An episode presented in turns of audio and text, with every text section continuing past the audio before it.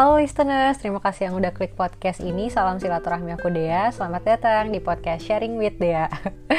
ya Allah terima kasih banget teman supportnya. Aduh maaf banget aku agak beribet nih karena udah lama juga aku nggak bikin podcast lagi. Jadi kemarin itu sempet uh, apa aku ngadain voting gitu kan antara dua. Sudah aku tuh pengen sekalian curhat aja gitu, bikin podcast antara dua tema yang satu temanya tentang yang satu antara the truth behind influencer sama yang kedua tentang enam tahapan manusia dalam berproses. Dan kalian memang paling seneng membuat aku berpikir jadi uh, votingannya 8 banding 2 dan yang paling banyak uh, vote itu adalah tentang enam tahapan manusia dalam berproses dan kebetulan ini juga aku bikin mini kontennya di reels ya yang durasinya sekitar 1.30 detik lah 1.20 1.22 detik lah. Dan ternyata masya Allah impressionnya cukup baik dari teman-teman sampai satu juta. Thank you teman-teman yang udah nyaksiin gitu ya. Dan mungkin sekarang uh, insya Allah kita akan bahas ya langsung aja. Dari enam tahapan manusia dalam berproses. Jadi dari materi ini aku terinspirasi oleh Ustadz Noman Ali Khan. Seperti yang teman-teman tahu, Ustadz Noman ini biasanya pidatonya itu ke dalam bahasa Inggris ya, menggunakan bahasa Inggris. Jadi uh, mungkin di sini aku mencoba untuk menjembatani buat teman-teman yang udah mengerti, masya Allah banget gitu ya. Uh, tapi buat teman-teman yang kadang somehow agak sulit untuk memahami gitu kan, di sini aku coba menjembatani karena ada beberapa kosakata yang kalau kita pahami lebih dalam itu kayak ngena banget gitu nyes gitu ke hati gitu ya jadi beliau ini uh, memulai apa namanya tema dalam penjelasan ini dengan dua timeline besar yaitu perbedaan antara kedamaian dan kebahagiaan. Jadi sebenarnya manusia yang ada di dunia ini itu antara dua, yaitu uh, mengejar kedamaian dan mengejar kebahagiaan. Tapi ternyata yang miracle-nya, yang ajaibnya, yang masya Allahnya Al-Quran itu mengajarkan kita untuk mengejar kedamaian gitu, bukan kebahagiaan. Dan berdasarkan penelitian dari University of Harvard, ya dari salah satu jurnal yang dikeluarkan oleh mahasiswa yang ada di Harvard, bahwa antara dua hal ini muncullah gitu ya, muncullah enam tahapan manusia dalam berproses gitu. Mari kita bahas satu-satu. Oh iya, beliau juga merangkum semua ini tuh dengan kata pursuit of happiness gitu ya. Kalau nggak salah ada juga kok nama filmnya itu The Pursuit of Happiness dan itu juga bagus juga salah satu uh, film yang ratingnya nggak turun naik turun naik di MDB gitu ya stabil aja karena memang katanya inspiratif cuman aku juga belum nonton sih gitu. Uh, terus yang pertama itu adalah The Pursuit of Happiness atau usaha untuk bahagia. Nah ini adalah usaha yang paling mudah dalam berproses. Tanpa usaha pun bahagia itu gampang karena definisi bahagia bagi setiap orang itu beda-beda gitu kan. Ada yang senyum aja udah bahagia ada yang tidur seharian aja udah bahagia ada yang bisa makan mie aja udah bahagia ada yang bisa minum udah bahagia lain-lain gitu ya jadi definisi kebahagiaan bagi orang tuh beda-beda dan mungkin alangkah baiknya kita nggak usah mengkomparasikan uh, taraf atau tolak ukur bahagia kita dengan orang lain gitu kan. We have our our own definition gitu kan to make our own happiness. Jadi jangan sampai uh, kebahagiaan kita itu um, apa ya berkacamata dengan kebahagiaan orang lain gitu loh. Karena nggak sehat juga sih kalau uh, kalau jatuhnya kita selalu compare sama kebahagiaan orang lain. Itu kebahagiaan yang paling uh, apa tahapan manusia dalam berproses di tahapan pertama gitu ya yaitu mengejar kebahagiaan. Itu adalah tahapan yang paling mudah setiap orang pasti bisa melaluinya gitu kan. Tahapan yang kedua yaitu adalah usaha untuk menjadi keren atau the pursuit of cool yang mungkin bahasa lainnya itu menginginkan pengakuan. Simpelnya haus akan pujian dari manusia gitu ya tahapan ini pasti ada di setiap manusia yang berproses gitu. Bisa jadi uh, ketika kita mencapai suatu prestasi nih gitu. Jadi uh, kita senang nih kalau misalkan ketika kita mencapai prestasi tersebut kemudian kita dipuji oleh orang terdekat kita gitu. Itu udah pasti dan tentunya manusiawinya dan gak bisa dipungkiri setiap manusia pasti pernah melalui tahap ini dan seneng kalau kita dapat pujian dari orang lain. Apalagi pujian itu datang dari orang-orang terdekat gitu ya apalagi orang udah orang terdekat dan orang yang paling dekat lagi gitu ya ya definisikan sendiri ya itu siapa gitu kan dan fitrahnya memang manusia senang dipujikan gitu Cuman mungkin di sini alangkah baiknya uh, pujian tersebut gitu ya bisa kita filter sebaik mungkin untuk diri kita. Alangkah baiknya jika kita bisa mengkondisikan gitu hal tersebut supaya kita tidak terlalu hanyut terhadap pujian manusia. Tapi ini juga merupakan uh, tahapan kedua gitu ya setelah kita bisa meraih tahapan kebahagiaan gitu ya. Usaha untuk meraih kebahagiaan, terus yang kedua usaha untuk menjadi keren atau menginginkan pujian atau pengakuan dari manusia gitu ya. Kemudian usaha yang ketiga yaitu usaha untuk meraih gengsi. Kalau bahasa Inggrisnya the pursuit of prestige kata beliau kayak gitu. Nah dalam the pursuit of prestige ini mungkin kalau diperjelas lagi semacam jabatan, kehormatan, wibawa atau maupun nama baik gitu ya. Bisa dibilang strata sosial yang meyakinkan untuk dikenal dengan banyak orang, masyarakat Contoh yang paling mudah adalah dokter atau hakim gitu ya. Yang mana ketika kita menjadi dokter itu ada prestis tersendiri gitu bagi beberapa kalangan sosial atau contoh lain mungkin pejabat publik, gubernur, menteri dan lain-lain. Jadi ketika kita punya prestis ini, bagaimanapun juga kita memiliki andil untuk memegang kebijakan atau kekuasaan yang bisa mempengaruhi banyak orang untuk tunduk di bawah kita. Jadi mau gak mau ya kalau misalkan kita udah mengejar uh, strata ini tuh ya ada uh, ada istilah kita satu terpandang, kedua orang tuh bisa patuh gitu sama apa yang kita uh, kita sampaikan gitu atau kebijakan yang kita buat gitu ya kayak gitu sih. Kemudian uh, ada lagi gitu ya usaha di atas ini setelah kita meraih prestis ini yaitu the pursuit of money Money itu usaha untuk meraih uang. Uang adalah angka dan angka tidak terbatas. Jika memiliki uang adalah cara untuk bahagia, maka kamu akan mencari kebahagiaan yang tidak ada ujungnya. Ini kata Bob Marley. Jadi kebanyakan para generasi pendidik memilih untuk mencukupkan tahapan manusia dalam berproses kedua titik berat ini, yaitu antara prestige sama money. Contoh, wah anak saya dokter terus hafid Quran, udah gitu. Jadi kayak kebahagiaannya udah dapat duit udah bisa hafal Quran di dunia udah beres gitu kan kayaknya seolah-olah prestisnya itu dicukupkan antara prestis sama money gitu padahal enggak gitu loh jadi ketika kita sudah memiliki strata, strata sosial udah punya uang sendiri gitu kan seolah-olah ya dicukupkan di situ aja padahal enggak jadi ketika seseorang melalui tahapan prestis dan money ada lagi tahapan selanjutnya yaitu ketika manusia akan berlomba-lomba untuk menjadi terbaik dari yang terbaik gitu kan. Uh, aku aku lupa istilahnya tapi yang jelas ketika sudah melalui tahap prestige money dan di dalam dua hal ini uh, setiap orang pasti akan melakukan uh, untuk berlomba-lomba menjadi yang paling baik gitu. Kayak misal jadi pengusaha terbaik se Asia Tenggara. Jadi pengusaha pengusaha terbaik se ASEAN atau dan lain-lain ya kayak gitu. Itu yang membuat hmm, jadi ya manusia selalu berproses kayak gitu. Dan ternyata ada lagi nih ketika udah mulai ada prestis, udah mulai ada duit gitu kan, udah punya uang juga, kita naik lagi ke tahap berikutnya itu the pursuit of impact atau menjadi orang yang berpengaruh, usaha untuk menjadi seseorang yang bisa mempengaruhi orang yang lain. Mungkin di sini bisa diartikan sebagai public figure atau mungkin influencer atau orang-orang yang memiliki kuasa di muka bumi. Yaitu orang-orang ya yang berpengaruh gitu ya. Dan semakin tinggi derajat dan tahapan manusia dalam berproses, kalau teman-teman tahu, maka akan semakin sedikit orang-orang yang kita temui dalam tahapan kita gitu. Jadi ada beberapa golongan manusia yang berpengaruh di muka bumi ya kita sebut aja yang paling mudah dan yang aku sebut juga di konten yaitu Buya Hamka gitu ya. Bahkan beliau itu dipenjarakan oleh tokoh pemegang strata sosial tertinggi pada zamannya, ya presiden gitu ya.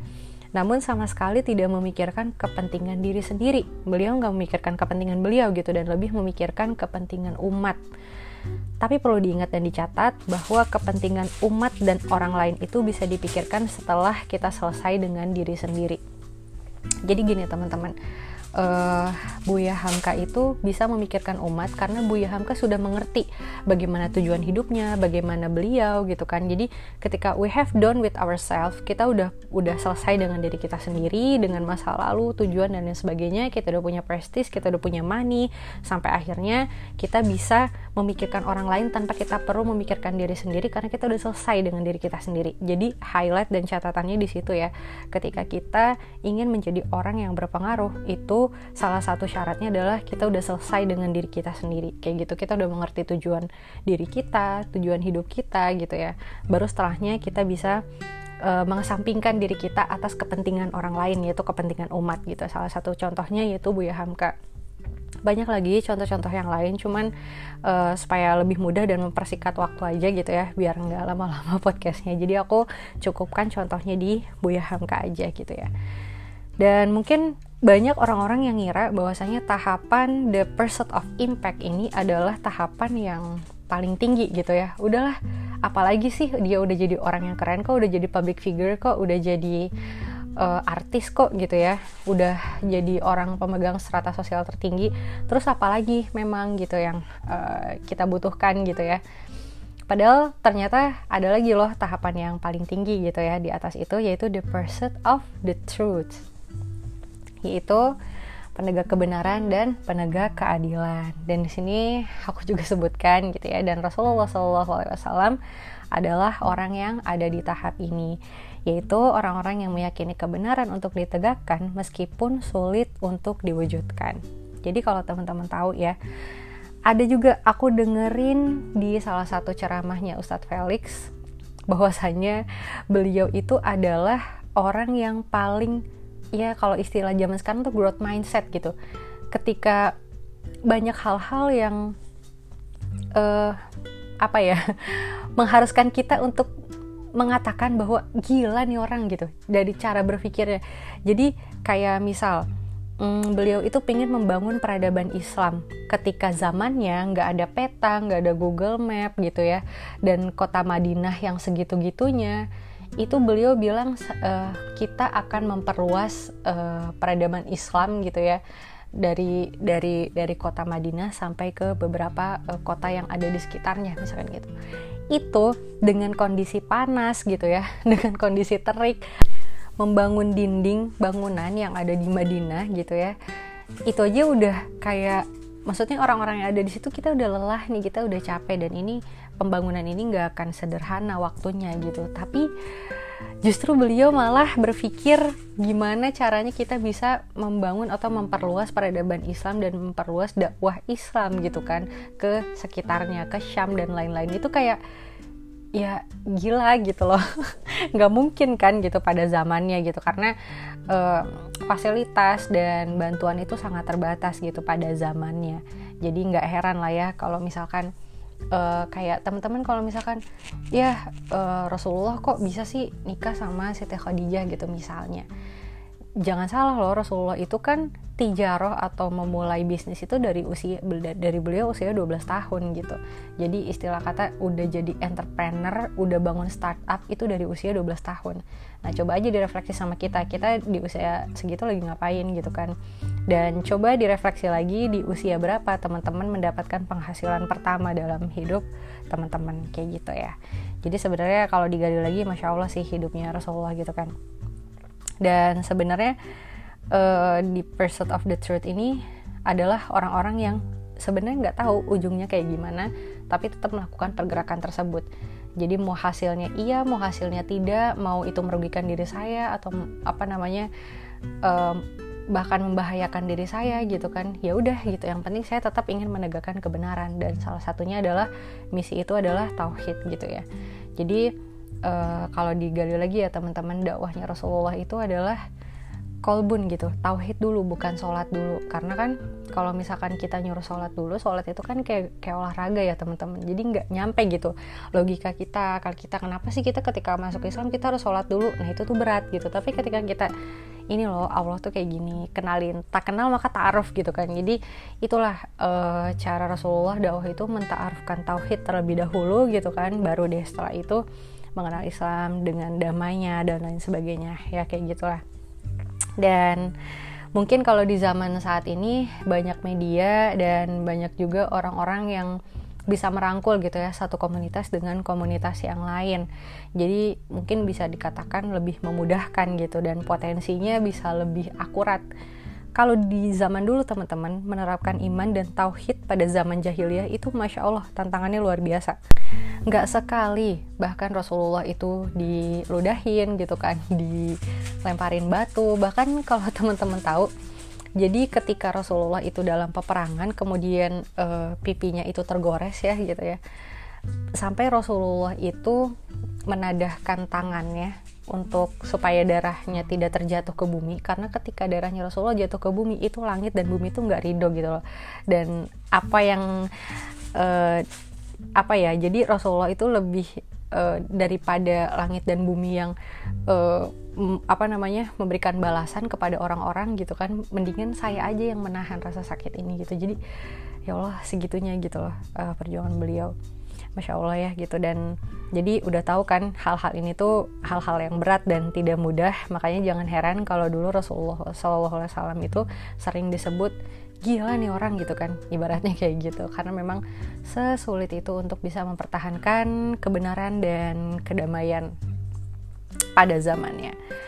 Berat berat memang berat. Karena yang dicari kalau udah kayak gini udah bukan lagi kebahagiaan kan kayak kayaknya enak nih kalau misalkan kita naikin lagi omset bulanan kita gitu kan. Kita naikin lagi uh, penghasilan kita atau wah kayaknya rumah mewah satu kurang gitu kan. Tambah lagi. Atau mungkin punya mobil Avanza atau Innova doang nggak cukup. Ayo kita beli Lamborghini gitu dan sebagainya nggak uh, ada salahnya gitu kan. Itu adalah tahapan untuk bisa kita bahagia gitu kan. Menambah kebahagiaan kita. Tapi percaya deh teman-teman kalau misalkan kita hanya mencari kebahagiaan itu tuh nggak akan ada habisnya nggak akan ada ujungnya gitu kan. Jadi kalau udah di tahapan kayak gini nih orang-orang yang berpengaruh public figure gitu kan orang-orang yang udah bisa memberikan dampak kepada orang-orang di sekitarnya itu nggak lagi mencari yang namanya kebahagiaan.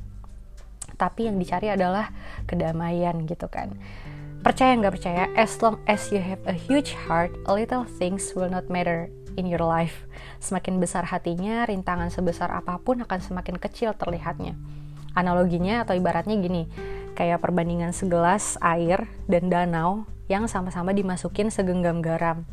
Jadi kalau misalkan segenggam garam itu dimasukin ke gelas, pasti rasanya bakal asin banget ya percaya kan? Udah pasti gitu. Tapi kalau misalkan ditabur ke danau nggak akan kerasa. Karena danau itu terlalu luas hanya karena pengaruh dari segenggam garam. Ya itulah ibaratnya hati kita gitu. Jadi kalau kita uh, membesarkan hati gitu ya untuk menerima segala sesuatu yang pahit gitu ya insya Allah uh, apa ya tantangan sekecil apa pun gak akan kerasa. Ya pengaruh se segenggam garam doang sih gitu kan. Uh, tapi sebaliknya kalau misalkan hati kita cuma seluas gelas ya gitu gitu kan. Gak akan bisa untuk menampung gitu kan menampung rasa asin atau menetral menetralisir rasa asin tersebut dalam gelas ya kayak hati kita. Kayak gitu sih teman-teman So teman-teman, jadi jangan takut karena setiap manusia, setiap dari kita tuh pasti berproses dan Aku harap di antara enam tahapan ini memudahkan teman-teman untuk mengerti bahwasanya kehidupan itu tidak berjalan gitu-gitu aja yang gak ada tujuannya. Tapi aku harap teman-teman juga udah punya tujuan yang jelas. Aku pun sama gitu kan. Ini as a reminder to myself karena kadang ketika aku lagi jatuh juga aku ngedengerin pesan aku sendiri dan aku kayak ketampar-tampar juga gitu kan. Jadi sebelum aku nampar orang lain aku nampar dulu diri sendiri supaya uh, apa namanya kita sama-sama ditampar dengan kehidupan bareng-bareng gitu. Kayak we we have to realize that apa this was a human process gitu loh. Jadi ini adalah tahapan manusia. Manusia itu pasti ketika di dunia kan gak mungkin hidup gitu aja gitu kan. Tapi pasti dia tahu uh, kenapa dia diciptakan siapa penciptanya dan apa tujuan dia diciptakan gitu kan. Nah itu aja sih sederhananya dari tiga, tiga hal itu gitu kan yang mengakar ke beberapa pro, tahapan dalam berproses dan salah satunya di tahapan ini. Jadi jangan takut kalau misalkan tiba-tiba kok uh, ternyata di tahapan ini saya lagi uh, sedikit yang menemani di sekitar saya gitu kan. Ya yeah, it's don't worry. Karena memang semakin tinggi prosesnya akan semakin sedikit teman-teman yang kalian dapati. Nah ternyata teman-teman dari sekian pursuit gitu ya dari sekian usaha dari usaha kebahagiaan usaha untuk bisa meraih pujian dari manusia kemudian usaha untuk bisa meraih prestige dalam strata sosial money gitu kan impact the truth ternyata dari semua hal-hal tahapan tersebut yang paling penting adalah di mata Allah gitu ya yaitu the pursuit atau usahanya. Ya Allah. Jadi kayak kalau misalkan ada antara dua orang gitu ya yang yang satu dia selalu dapat nilai bagus yang satu lagi dia belajarnya getol gitu ya belajarnya terus menerus sampai nyingkuk gitu kan cuma nilainya segitu-gitu aja. Ada yang satu lagi belajar sekali terus dia langsung dapat nilai A. Allah itu nggak nilai dari sisi apa namanya resultnya gitu tapi Allah nilai dari usahanya gitu. Seberapa besar usaha dia dan di situlah kasih sayang Allah gitu ya. Masya Allah ya. Di situlah keadilan Allah di situlah rahmat Allah. Jadi itu yang harus kita ketahui bahwasanya rahmat Allah tuh luas teman-teman. Kasih sayang Allah tuh luas gitu kan. Dan kita yang harus menggali dan mencari tahu gitu seberapa luas kasih, kasih sayang Allah tersebut. Ya salah satunya dari sekian usaha bayangin loh tahapan setiap tahapan atau setiap proses manusia ini yang paling penting itu garis besarnya adalah usahanya gitu kan. Jadi masya Allah ya semoga setelah ini teman-teman kita makin realize gitu ya bahwasanya kehidupan itu berproses gitu kan. Dan semoga teman-teman setelah ini jadi tercerahkan gitu ya. Karena uh, melihat bahwasanya ya kita mulai reminder lagi tujuan penciptaan kita di dunia ini itu untuk apa? Gitu aja teman-teman. Semoga tercerahkan. Aduh nggak beres-beres nih. Ya udah assalamualaikum warahmatullahi wabarakatuh